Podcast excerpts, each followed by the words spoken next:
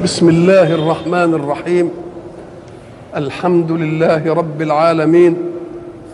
والصلاة والسلام على أشرف المرسلين وخاتم النبيين ورحمة الله للعالمين سيدنا محمد وعلى آله وصحبه أجمعين.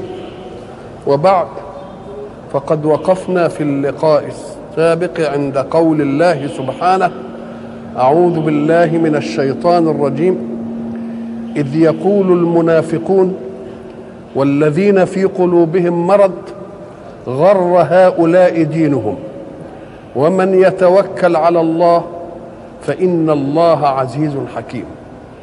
وقلنا إن الشيطان حينما زين للكفار أن يلاقوا المؤمنين وقال إني جار لكم لما تراءى الفريقان نكص على عقبيه وقال إني بريء.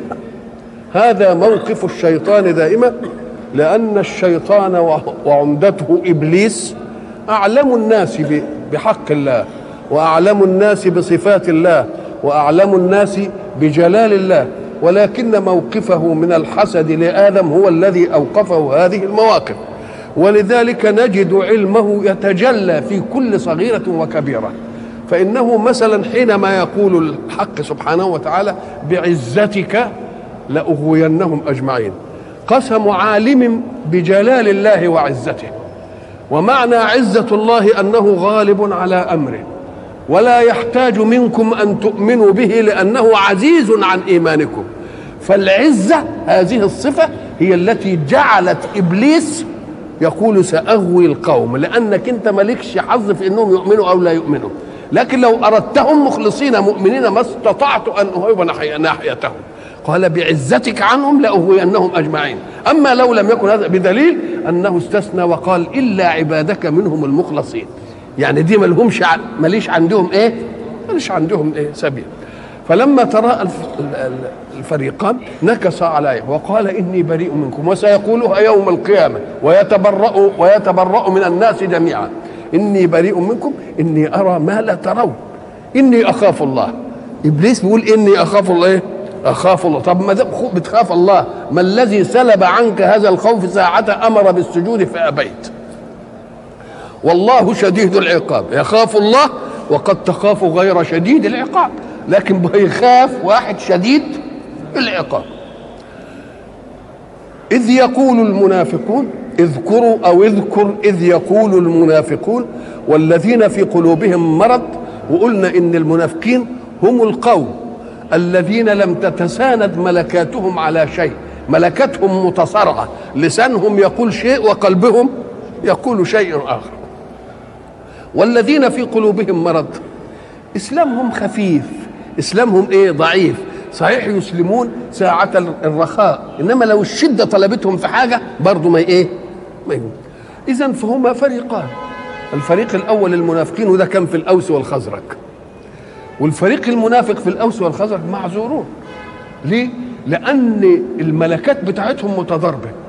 أناس كانوا ينتظرون السيادة وواحد منهم ينتظر أن يلبس تاج الملك فيفاجأ بأن رسول الله صلى الله عليه وسلم جاء إلى المدينة. فالأمور كلها تنتهي ولا يصبح ملك والتاج يترمي ولا يحقد ولا ما يحقدش. أدي ما تخليش قلبه يسلم قلبه ملان غيظ قلبه ملان حقد على ما فاته من السيادة والرياسة. ولكن ظاهرة الإقبال على الإيمان تجعله لا يستطيع أن يقاوم. يقوم يقول إيه؟ أشهد أن لا إله إلا الله وأن محمد. يبقى في جهتين بت إيه؟ تتجاذبه. جهة قلبه الذي ملئ غيظا لأن رسول الله فوت عليه السيادة وجهة أخرى إقبال الناس وسيظل وحيدا. فأراد أن يحتفظ لنفسه بشيء من السيادة فقال إن لم أؤمن يكرهوني وينفضوا من حولي فأنا أؤمن بلساني. هؤلاء هم الإيه؟ المنافقون. والذين في قلوبهم مرض. إحنا قلنا في قلوبهم مرض مش منافقين إنما هم مسلمين بس الرخاء يبين اسلامهم لكن الشدة تخليهم إيه؟ يبقى ده اسمه إيه؟ مش مرض مش نفاق. وهؤلاء قوم كانوا قد أسلموا في المدينة.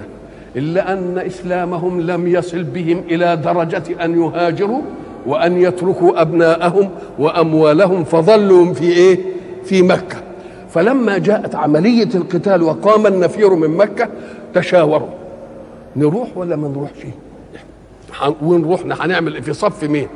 فطلعوا في صف الإيه؟ قال لك نروح. فإذا وجدنا الصف المشركين قوي نروح وياهم إن رحنا لصف المؤمنين إيه؟ نروح وياهم وهم دي قيس بن الوليد وعلي بن أمية بن خلف وأبو العاصي بن زمعة وأبو قيس الفاكه بن المغيرة. دول اتلموا يا بعض وتنهم إيه رايحين؟ دول في قلوبهم إيه؟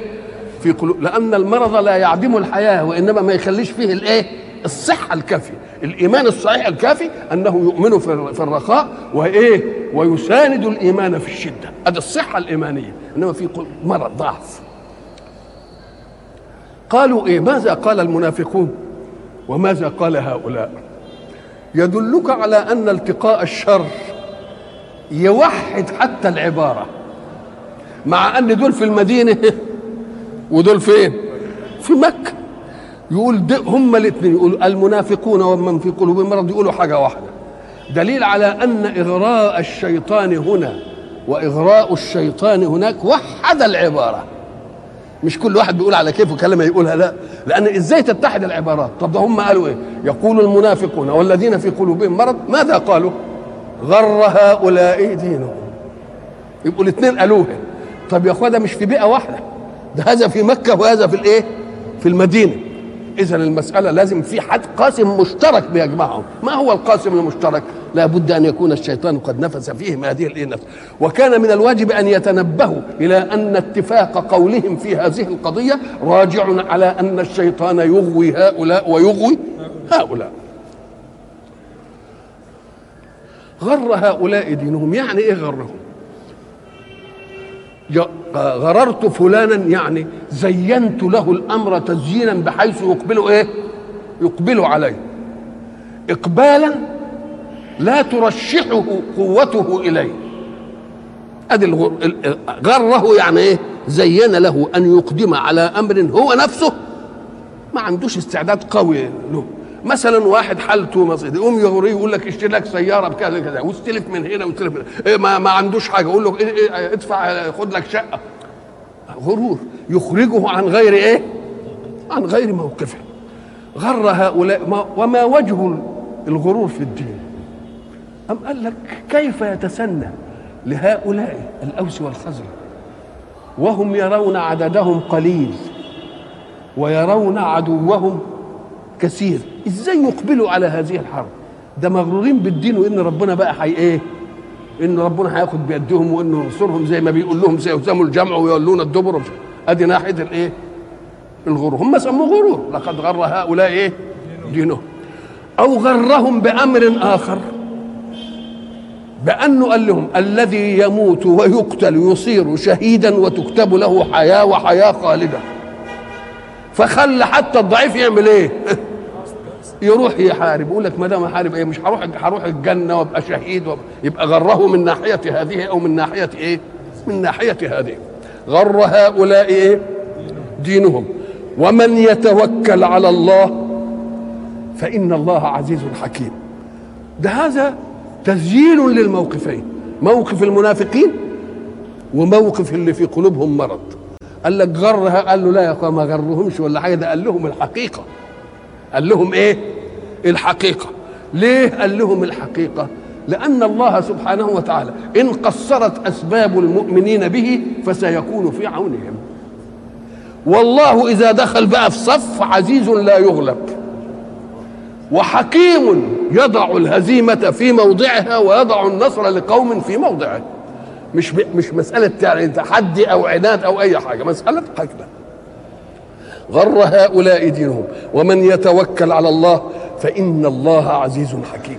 طب العبارة دي اتقالت على طب هم قالوا ما حدش سمعها. قالوا غر هؤلاء دينهم. هل قالوها كده؟ ده بيقولوها بينهم وبين بعض. حد يجرؤ إنه يقولها كده علنا يعني. آه. يبقى قول القرآن بها دليل على أن إعلام الله لرسوله بما يحدث في نفوسهم وما يحدث إيه بينهم. ده برضه إعلام إيه؟ حقيقتهم. ساعة سمعوا هذا وأن الله قص ما يقولون. كانوا يقولوا لا ده المسألة فوقنا المساله دي بقى المسألة سماوية. المساله ربانية ويعملوا إيه؟ والمنافق يسيب نفاقه واللي في مرض يصحح إيه؟ إيمانه. يقوم يقول إيه؟ ردا على ما في نفوسهم. إن كنتم بتقولوا غرهم لا هم ما غرهمش صحيح. هل تربصون بنا إلا إحدى الحسنيين؟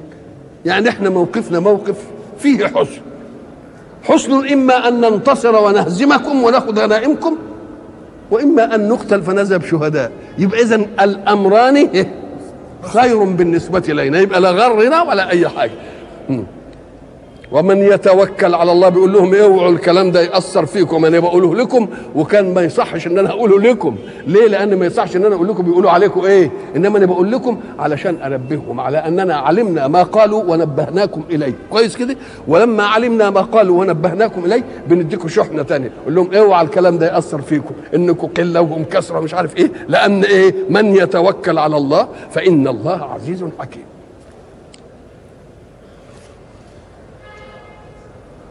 ولو ترى إذ يتوفى الذين كفروا الملائكة يضربون وجوههم وأدبارهم وذوقوا عذاب الحريق. ولو ترى من اللي يرى الخطاب لرسول الله.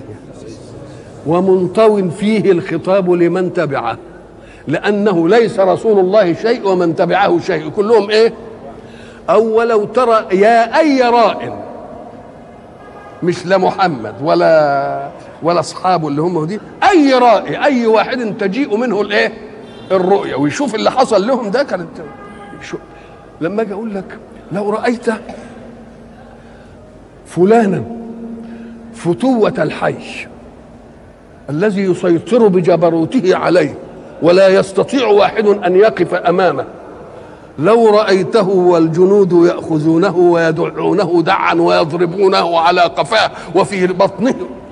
ويسكت ما يقولش رأيت إيه. لو رأيت لو شفت فلان وهم عاملين فيه كذا وكذا وكذا وكذا وكذا ما قالش إيه. هتشفت إيه.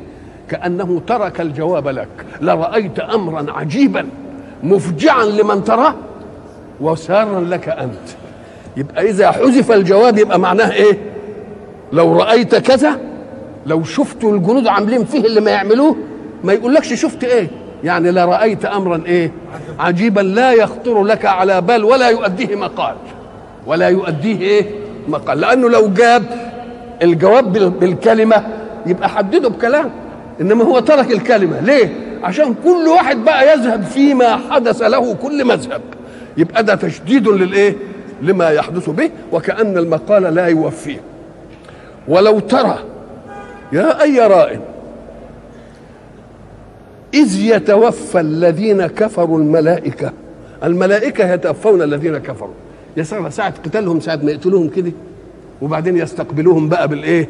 بالضرب. كما كانوا يصنع كما كان يصنع الكفار مع المؤمنين. لأن الكفار يعملوا إيه؟ المقبل من المؤمنين عليهم يضربون وجوههم. والمدبر منهم يضربونه على إيه؟ أدباره. كده خليك واقف كده. وبعدين صف المجرمين كده جاي. اللي مقبل مقبل عليك يروح ضربه بالإيه؟ على وجهه. وساعة ما يسيبه يجري شوية يروح جايبه على قفاه. يبقى في إقباله وفي إيه؟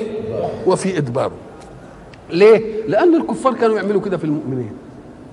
فعوقبوا من الملائكة بمثل هذا الضرب.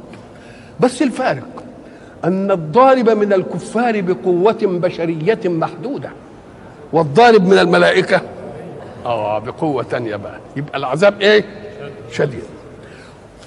و ويقال أنك أن أنهم كانوا معهم مقامع من حديد. يضربوا الوجوه والأدبار بمقامع من إيه؟ من حديد. ومن شدة الضربة واحتكاك الحديد بالجسم تطلع منه إيه؟ شرارة النار. آه يقول لهم كمان ذوقوا عذاب الإيه؟ أو أن ذوقوا عذاب الحريق ده هيبقى في الإيه؟ هنضربكم كده وبعدين هتبقوا في الآخرة إيه؟ تذوق مش ده مش هينجيكم من عذاب الإيه؟ الحريق. ولذلك أقبل صحابي رضي الله عنه على رسول الله صلى الله عليه وسلم وقال يا رسول الله لقد رأيت في ظهر أبي جهل مثل شراك النعل يعني زي ما زي ما أنت تضرب كده أقول لك ده علمت الضرب. مثل شراك النعل فقال يا أخي هذه ضربة الملائكة. وجاء آخر وقال يا رسول الله لقد هممت أن أقتل فلانا فتوجهت إليه بسيفي فما وصل سيفي إلى رقبته إلا وجدت راسه قد طارت. قال تلك ضربة الملائكة. يبقى قول الحق سبحانه ولا فاضربوا فوق الأعناق واضربوا منه إذ يوحي ربك للملائكة أني إيه؟ معكم. فثبتوا الذين آمنوا. سألقي في قلوب الذين كفروا إيه؟ الرعب. إيه؟ فاضربوا فوق الأعناق واضربوا منهم كل بنان ولو ترى إذ يتوفى الذين كفروا الملائكة يضربون وجوههم وأدبارهم الضرب فيه اهانه أكثر من العذاب. ليه؟ لأن كان في عذاب أكثر من الضرب. الضرب يبقى فيه إهانة أكثر. مثلا. واحد عامل فتوة وراح عامل جريمة ومش عارف إيه وخدوه قعدوا يعملوا فيه التعذيب اللي ما ينعملش في القسم. رئيس الدولة أو اللي أمرهم بهذا يقول وروني الراجل ده ويروح ضربه كده بالقلم وكلمة بالقلم. دي شفاء للنفس إهانة له. لأن كون ال- ال- الإيذاء مباشر مش زي ما يكون الإيذاء من إيه من واسطة. العسكري يضرب ويعمل إنما ده قال هاتوه ليه بقى؟ ماش في نفسي كده. ويعمل فيه إيه؟ ويضربه قلمين الضرب في ذاته مش ألم مما ضرب. ولكنه إيه؟ إهانة وشفاء نفس. وذوقوا عذاب الحريق. ذلك أي الضرب على الوجوه والضرب على الأدبار. وذوقوا عذاب الحريق. كله لم نتجن عليكم. لأن ذلك نتيجة حتمية ومنطقية مع ما قدمتم من فعل في الكفر والإيذاء والاضطهاد وإلى آخره. يبقى إحنا ما إيه؟ إحنا عادلين معكم. يعني ما, ما افتتناش. لأن ده اللي قدمته مين؟ أيديكم. اشمعنى قدمته أيديكم؟ لأن غالب أعمال الإنسان يزاولها بالإيه؟ باليد. قد يزاول برجله قد يزاول بلسانه قد يزاول بأي شيء. إنما الأعمال ال- ال- ال- جمهرة الأعمال تزاول بالإيه؟ ولأن اليد مناط القدرة في الفعل. يد الله فوق إيه؟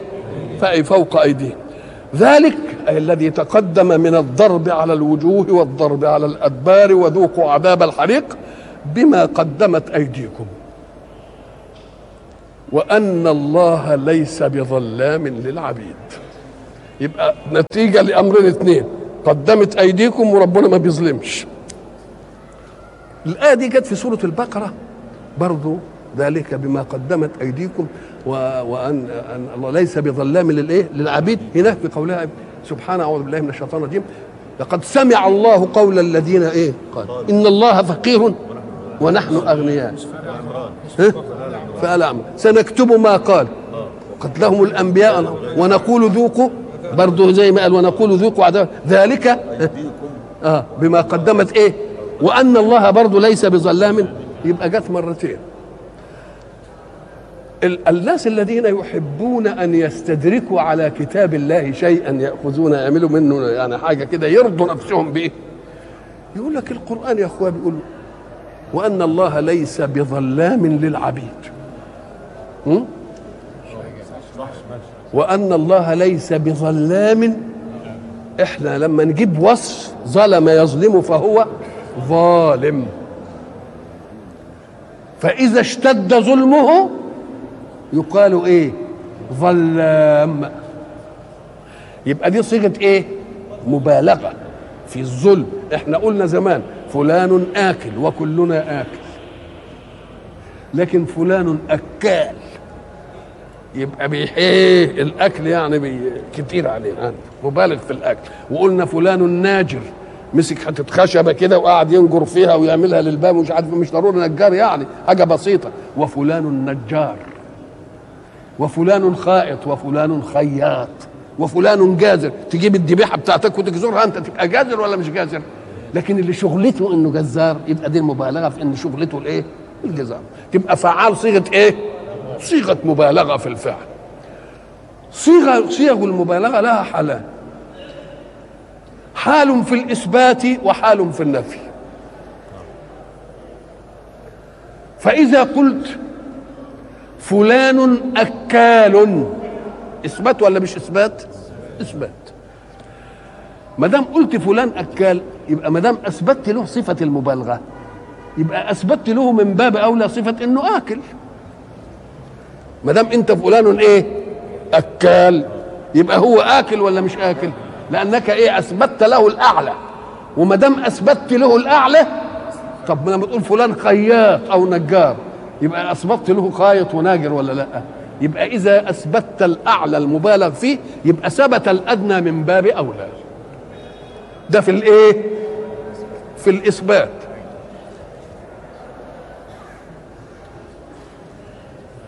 فإذا كان النفي تقول فلان ليس بأكال. نفيت المبالغة. لما تنفي انه اكال ما يمكن آكل بس. يبقى نفيت المبالغة يبقى اثبتت الأصل. مفهوم كده؟ فلان ليس بنجار مش نجار. نقول له بس ناجر يقدر يعمل حتة خشبة كده. فلان علامة اثبتت الأعلى. يبقى يثبت إنه عالم ولا ما يثبتش؟ فلان غير علامة. يبقى ال ال الأدنى ما ما يتنفيش. لما تنفي أنت الأعلى يبقى الأدنى. هالظلام بقى؟ دي صيغة مبالغة ولا لأ؟ صيغة مبالغة. ودي داخلة في حيز النفي ولا في حيز الإثبات؟ في حيز النفي. تبقى إذا دخلت في حيز النفس يبقى ما منعتش اللي أقل منه. زي ما قلنا فلان ليس بأكال ما منعش إنه آكل. فلان ليس بخياط ما منعش إنه إيه؟ إنه قائد فلان ليس بنجار ما منعش إنه ناجر.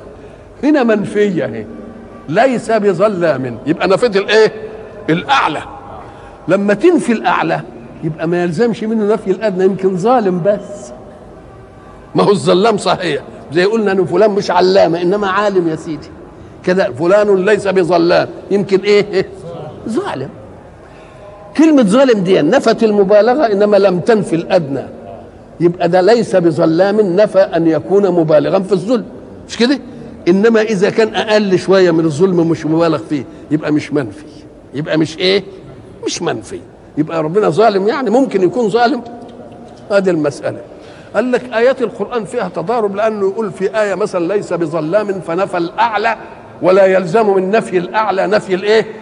الأدنى. ويقول في آيات أخرى إن الله لا يظلم مثقال ذرة.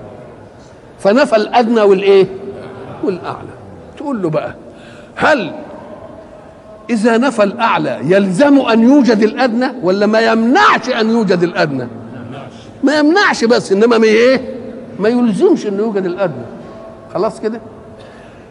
إذا فقول لا يظلم مثقال ذرة نفت أساس مبدأ الظلم وهنا نفت مبالغة الإيه؟ القرآن مع بعضه. تقوم تاخد دي وتاخد إيه؟ فلما تقول إنه نفى الأعلى يلزم منه إثبات الأدنى أقول له لا ما يلزمش. نفي الأعلى لا يلزم منه إثبات الأدنى إنما لا يمنع أن يثبت الأدنى. فإذا جاءت آية أخرى ونفت الأدنى يبقى لا هو ظالم ولا هو إيه؟ ولا هو ظلام. آه كلام طيب. شيء آخر. هو ربنا قال الله ليس بظلام للعبد ولا للعبيد. طب ما تذكروا بقى المبالغة بتيجي ليه؟ المبالغات في في, في الأحداث بتيجي من إيه؟ أنا قلت لكم زمان إنك إذا قلت فلان اكال بالغت في أنه آكل. المبالغة في أنه آكل دي في قلت اكال يا ترى الطاقة بتاعته بدل الغير ما يأكل رغيف وهو بيأكل ثلاثة يبقى اكال والوجبات هي هي. برضه الفطار والإيه؟ زيك تمام. في الوجبات إنما الوجبة الواحدة إيه؟ فيها مبالغة كتير شوية يبقى مبالغة في الحدث والحدث ثابت. مبالغه في الحدث والحدث إيه؟ ثابت. لكن افرض إن هو برضه بياكل رغيف إنما بعد ساعتين كده يقول أنا جعان يجيبوا له رغيف كمان. ساعتين يقول أنا جعان. يبقى المبالغه في تكرار الحدث البسيط. يبقى مرة المبالغة تكون في إيه؟ في قوة الحدث في ذاته وإن لم يتكرر. ومرة تكون المبالغة, المبالغة في تكرير الحدث وإن كان مساويا للغير. خلاص كده؟ تعال الأول. الله يقول أنا لست بظلام للعبد ولا للعبيد. يبقى هيظلم العبد ده والعبد ده والعبد ده والعبد ده والعبد ده. إيه الظلم الكبير ده اللي شامل الأفراد ده؟ تكرار ولا لا؟ يبقى ظلام. نفى أن يكون ظلاما لتعدد المظلومين ما دام للعبيد. ظلام لمين؟ مش قال ظلام للعبد ظلام لمين؟ للعبيد. وإذا كان الظلم يتناسب مع قدرة الظالم على الظلم. ظلم الولد للي زيه غير ظلم الفتى غير ظلم الراجل غير ظلم اللي معاه آلة غير ظلم الظلم بيتفاوت بإيه؟ بتفاوت قوة الظالم فإذا أجاز الله لنفسه أن يظلم أيكون ظالما فحسب ولا ظلام؟ ده قوته قوته وحد يطيعه ده إن كان جاز لنفسه أن يظلم يبقى إيه؟ يبقى ظلم وبذلك ارتفع الإيه؟ الإشكال ذلك بما قدمت أيديكم وان الله ليس بظلام للعبيد. كدأب آل فرعون والذين من قبلهم. كدأب إيه اللي كداب الدأب هو العادة التي تتكرر مع الانسان فلان دؤوب على كذا يعني إيه؟ بيعملوا بس إيه؟ فلان دأب على كذا. يبقى تعود إنه إيه؟ كلمة كدأب إيه اللي هو. كدأب إيه دأب هؤلاء معك يا محمد كدأب فرعون مع رسلهم ومعي خلاص ودأب فرعون مع رسلهم. والذين كانوا مثل فرعون ثمود وغيره وغيره إيه اللي حصل لهم إما استئصال إيه؟ وإما تعذيب ونكال فعادة هؤلاء مش هتتغير. زي ما عملنا في المتقدمين من فرعون وثمود وعاد ولا إلى اخره هنعمل في مين؟ يبقى هم كدأب دأبهم؟ قل بقى دأب هؤلاء الذين يعادونك ويحاربونك واقفون موقف موقفهم هذا منك؟ كآل فرعون. هل عجزنا عن آل فرعون؟ أبدا. ده إحنا عملنا لهم تعذيب وعملنا لهم استئصال وعملنا القوم نوح كذلك. يبقى دول مش هيخرجوا عن القاعدة.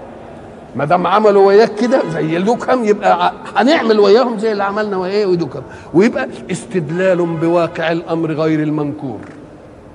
استدلال بواقع الأمر غير الإيه؟ غير المنكور. مش كلام بنقوله لا ده كلام له إيه؟ له سوابق واقعة في الكون وقضايا واقعة في الكون. قضايا واقعة في الكون إيوه نعم. الناس اللي بلغوا حضارة سيبنا من الحضارات المثمورة. عاد إرم ذات العماد التي لم يخلق مثلها في الإيه؟ وثمود الذين جابوا الصخر بالواد. أولا إرم ذات العماد ما عرفناش ما, شفناش حاجة فيها أبدا. ثمود الذين جابوا الصخر بالواد لما نروح برضه في قرى صالح نشوف الإيه؟ منقور في في الجبال البيوت والمش عارف الإيه وفرعون. ذي الأوتاد. كل حضارة من هذه الحضارات لا أثر لها أو إن وجد اثر فهو طفيف. إلا أثر فرعون. والفراعنه اللي هو مين؟ الأهرام دي اللي عماله إيه؟ كل. كل ساعة العالم يجي يشوف بدع البناء شوف قدرة البناء شوف هندسة البناء ويجوا يستعجبوا إزاي الكلام؟ والعجيب إن الحجر اللي وزنه قد كده وحجمه قد كده كيف نقل إلى الأعلى؟ إزاي نقل؟ سألت إيه اللي نقلته دي؟ أدي واحدة. ثانيا إزاي ارتبط الحجر بالحجر وظل هكذا إلى هذه الساعة؟ إزاي؟ المونة ما خلتش كده بينه لأن ما فيش مونة. ده بتفريغ الهواء زي اللي قلناه امبارح. تفريغ الهواء إن استطعت أن تفرغ الهواء بين شيئين يلتصقان التصاقا. لا تستطيع ابدا إنك أنت تنزعه ابدا. ما دام الهواء لأن اللي بيعمل الفصل إيه؟ الهواء يخلي ده مفصول عنه. فإذا أنت فرغت الهواء يلتصق ببعضه التصاق من غير إيه؟ من غير من غير لاصق. جرب كده وهات الكوباية. وهي مغسولة وسطحها كده فيه مية. وبعدين سيبها تنقط على الحتة اللي انت حاطط عليها الماء الإزاز ولا حاجة. وسيبها شوية. المية بتعمل إيه؟ بتتبخر. لما تتبخر وقهرها على الأرض الهواء ضاع وياها. تيجي تشدها شوية كده معك تعكسك. بتعكسك بمقدار ما وجد فيها من تفريغ الإيه الهواء. طيب حضارة وصلت إلى هذا الفن الهندسي في البناء بتفريغ الهواء وفي الأثقال التي رفعت إلى هذه القمم. حضارة إيه شكلها دي؟ ده هذا إن نظرت إلى البناء بس. وإن نظرت إلى تحنيط الجثث وتظل إلى الآن. تبقى حضارة إيه دي؟ ده حضارة جامدة قوية قوي وعلم واسع قوي طب وإذا نظرت إلى الألوان المدهونة في المعابد والحبوب التي حنطت والطعام كما هو ما بال الطعام يكاد يقدى كما طبخته أيدي الطابخين. تشوفوا كده وتشوف حب البر وحب إزاي إيه الحضارة اللي احتفظت بهذه الأشياء؟ حضارة اللي احتفظت بهذه الأشياء لازم تكون حضارة قوية. طب الحضارة القوية دي لا تستطيع بقوتها أن تحمي نفسها من الانهيار. الحضارة اللي بلغت هذا المبلغ ما تستطيعش إنها تحافظ على نفسها من الانهيار وبعد ذلك تظل اثر وتظل اثار وتظل فين راحوا؟ أم قال لك دليل, دليل على أن قوة أعلى منهم إيه؟ دكتهم نعم كدأب آل فرعون وجاب لنا آل فرعون دول اللي هم أصحاب الحضارة اللي إيه؟ ده من إعجازات القرآن آه. كدأب آل فرعون والذين من قبلهم جابها بالإجمال نوح وعاد و... كفروا بآيات الله. إحنا زمان قلنا إن الآيات تطلق كم؟ إطلاق؟ ثلاث إطلاقات. الله يفتح عليهم. الإطلاق الأول الآيات الكونية التي يثبت بها وجود الخالق الأعلى. ومن آياته الليل والشمس والقمر. دي اسمها آيات.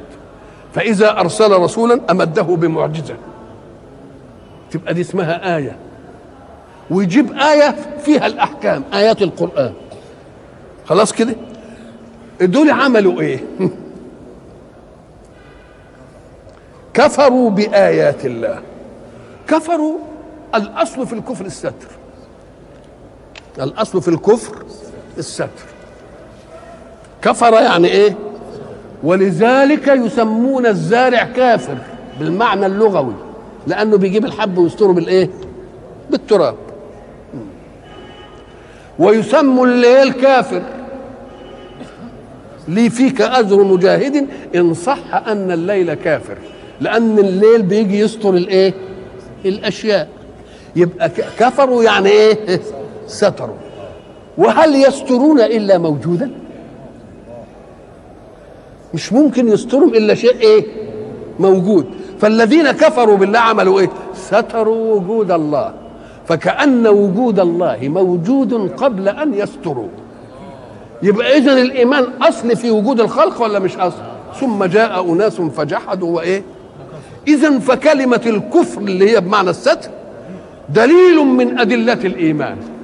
لأنك تقول له كفرت إيه يا شاطر؟ أنت كفرت ستر. سترت إيه؟ لازم سترت نقيض يبقى سترت إيه؟ يبقى سترت يبقى الأصل الوجود ولا مش الوجود يبقى كلمه الكفر نفسها إيه؟ دليل من أدلة الإيمان. كفروا بآيات الله كلها بقى. بالآيات الكونية فلم يؤمنوا بوجود إله إيه قادر بالمعجزات فكذبوا رسلهم. خلاص؟ بالمنهج فلم يصدقوا آيات الكتب التي نزلت من الإيه؟ يبقى كلها موجودة. م. كدأب آل فرعون والذين من قبلهم كفروا بآيات الله. إيجاز معبر يجيب لك كل. فأخذهم الله بذنوبهم. في كلمة أخذهم الله بسبب الذنوب لأن الذي يؤذى من أحد ما واحد يؤذى من أحد يبقى ال ال ال ال ال الفرار منه واجب ولا مش واجب؟ لا يبقى جايبه كده. ولذلك يقول لك أخذ عزيز مقتدر. أخذ يعني يعني يمسكوا مسكه ما يقدرش إيه؟ ما يقدروش إيه يفروا منه فأخذهم الله بذنوبهم. إن الله قوي شديد العقاب. إن الله قوي يعني أقوى من كل ما تصنعون في كون الله. وعقابه شديد. لكن العقاب الشديد لا يعم الكل إلا على مقدار ذنوبه. ال ال ال ال هو شديد العقاب. إنما مش معنى اللي عمل حاجة بسيطة يبقى برضه شديد العقاب. يبدأ لكل واحد إيه؟ يدي لكل واحد. أما من ناحية القوة الله قوي ومن ناحية عقابه شديد. ولكن يفرض قوته وعقوبته كده سواء؟ أم قال لك لا كل حاجة على إيه؟ على حسب.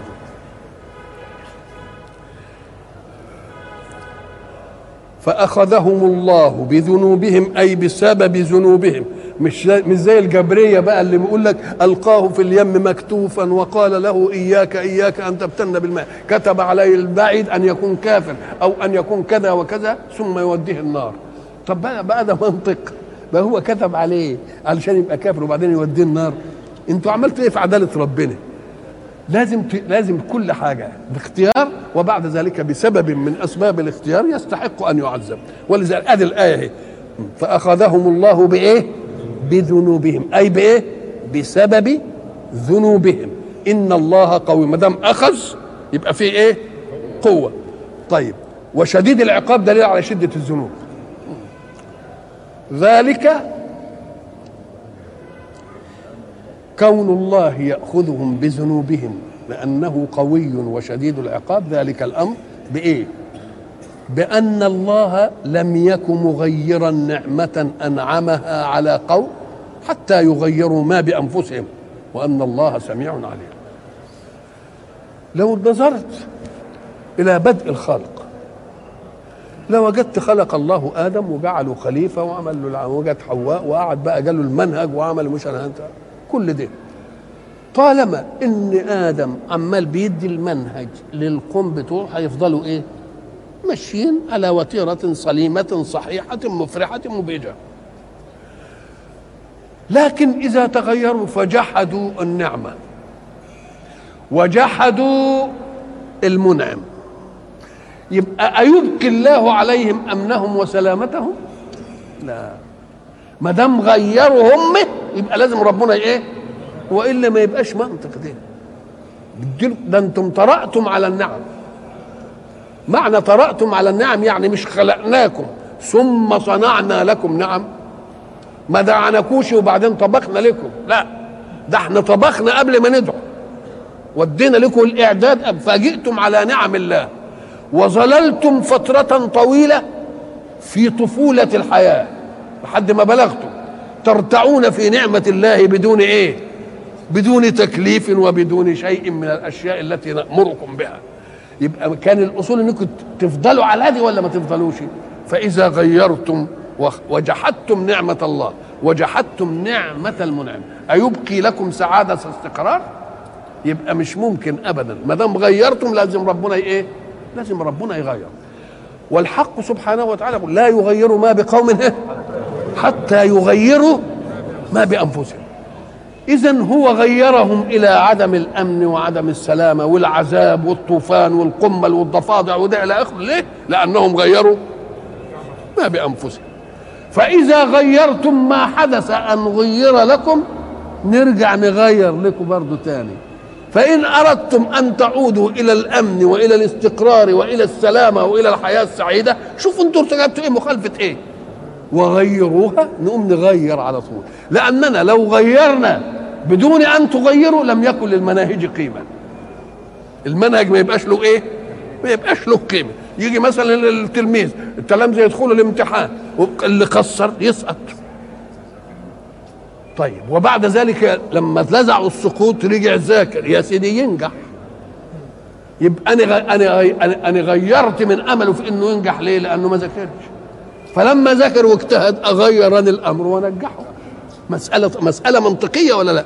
طب لو أنني أنجحته مع استمراره على أنه مهمل وكسول ولا يذاكر حد يذاكر بعدها؟ ما حدش يذاكر بعدها. تبقى الحياة فوضى ولا مش فوضى؟ يبقى لازم إن الله لا يغير ما بقوم حتى يغيروا إيه؟ ما بأنفسهم. إذا التغيير من النفس. تغيير من النفس قال لك أيوة لأنك أنت إذا ما غيرت لازم تنتظر. أنت عاجز وغيرت. يبقى القادر ما يغيرش. يبقى لازم يغير. طب وأنت؟ أنت غيرت ما كنت عليه من فساد أيبقيك على لا لازم يغير ما ولذلك إذا رأيت قوما طمهم فساد فاعلم أن نفوسهم لم تغير. ساعة ما تشوف أي حاجة كده اوعى تقول ربنا مضطهدني ربنا عاملنا ربنا مجوعنا ربنا معريني ربنا مش عامل لنا بيوت. شوفوا أنتوا عملتوا إيه. ولما تشوفوا أنتوا عملتوا إيه وتغيروا اللي عملتوه إلى مقابله ربنا يغير لكم.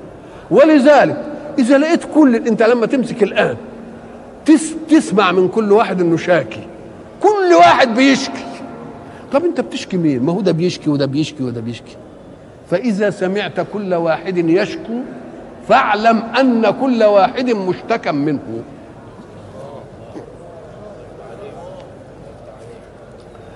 ذلك بأن الله يعني ذلك أي ما حدث بسبب أن الله لم يكن مغيرا نعمة أنعمها على قوم حتى يغيروا ما بأنفسهم. دي أثبتت الحالة الأولى. ان أنا كنت في نعمة ومستقيم وبعدين غيرت بالمعاصي فتغيرت النعمة. والحالة الثانية في العموم إن الله لا يغير ما بقوم حتى يغيروا ما بإيه؟ ما بأنفسهم. يبقى تغييرين اثنين ذلك بأن الله لم يكن مغيرا نعمة أنعمها على قوم حتى يغيروا ما بأنفسهم. وأن الله سميع عليم. ذلك بأن كذا وأن الله لأن من الجائز إنهم يغيروا وما أدريش ربنا. ما سمعش ما علمش. تفضل المسألة بقى ماشية كده. لا هم غيروا وربنا إيه؟ سميع. ليه؟ لأن التغيير إما أن يكون بالقول أو بالفعل. بالقول يبقى فيه سمع متلقفة. بالفعل أو بأي شيء ولو خواطر النفس بالعلم. يبقى سميع وعليم دي جمعت إيه؟ جمعت كل اللي. تاني قال كدأب آل فرعون. برضو كدأب آل فرعون. دأبهم كدأب آل فرعون. طب ما دأب آل فرعون مرت هناك. كانت هناك. أم قال لك لأن بس الحالة مختلفة. افهم عن الله. كدأب آل فرعون والذين من قبلهم برضو. كذبوا بآيات بآيات ربهم. شوف بقى شوف الفاصل. دي كذبوا بآيات الله. ودي ودي كذبوا بآيات ربهم. كفروا بآيات الله وكذبوا إيه؟ بآيات رب. نشوف بقى إيه الفرق. الله هناك وربهم هنا. لماذا أثر كلمة الله في كالدأب الأولى؟ وجاب رب هنا عشان يدلك على أنهم كفروا بالآيات الكونية المثبتة لوجود إله. لأن الله هو المعبود بحق. لكن الثانية النعم ما صنوهاش اللي ربنا مديها لهم. والنعم فرع الربوبية. النعم فرع إيه؟ التكاليف فرع الألوهية. والنعم فرع الربوبية. ربوبية يعني إيه من رب؟ رب يعني إيه خلق؟ ورب خلق من عدم وأمد من عدم وربى ليكتمل الإنسان إلى مرادة غايته ولذلك سوى في التربية بين المؤمن والكافر. والعاصي والطائع. ده اسمه عطاء إيه؟ عطاء ربوبية. إنما عطاء الألوهية منهج إيه؟ تكليفي يبقى في الأول جاب الله والثاني جاب إيه؟ جاب رب. الله. كدأب آل فرعون والذين من قبلهم كذبوا بآيات ربهم. فأهلكناهم بذنوبهم برضو بسبب ذنوبهم وأغرقنا آل فرعون وكل كانوا ظالمين. ديك أخذهم بذنوبهم بس إجمالا. إنما ده جاب الإيه؟ جاب التفصيل. أغرقنا آل مين؟ برضو آل فرعون علشان إيه؟ دول هم الأمة الوحيدة اللي حضارتها بقي لها آثار تدل على أنهم تقدموا تقدم إيه؟ فلا يمكن أن تنطمس هذه الحضارات إلا بقوة أعلى من قوتهم فأهلكناهم بذنوبهم وأغرقنا آل فرعون. وكل كانوا ظالمين. وإلى لقاء آخر إن شاء الله.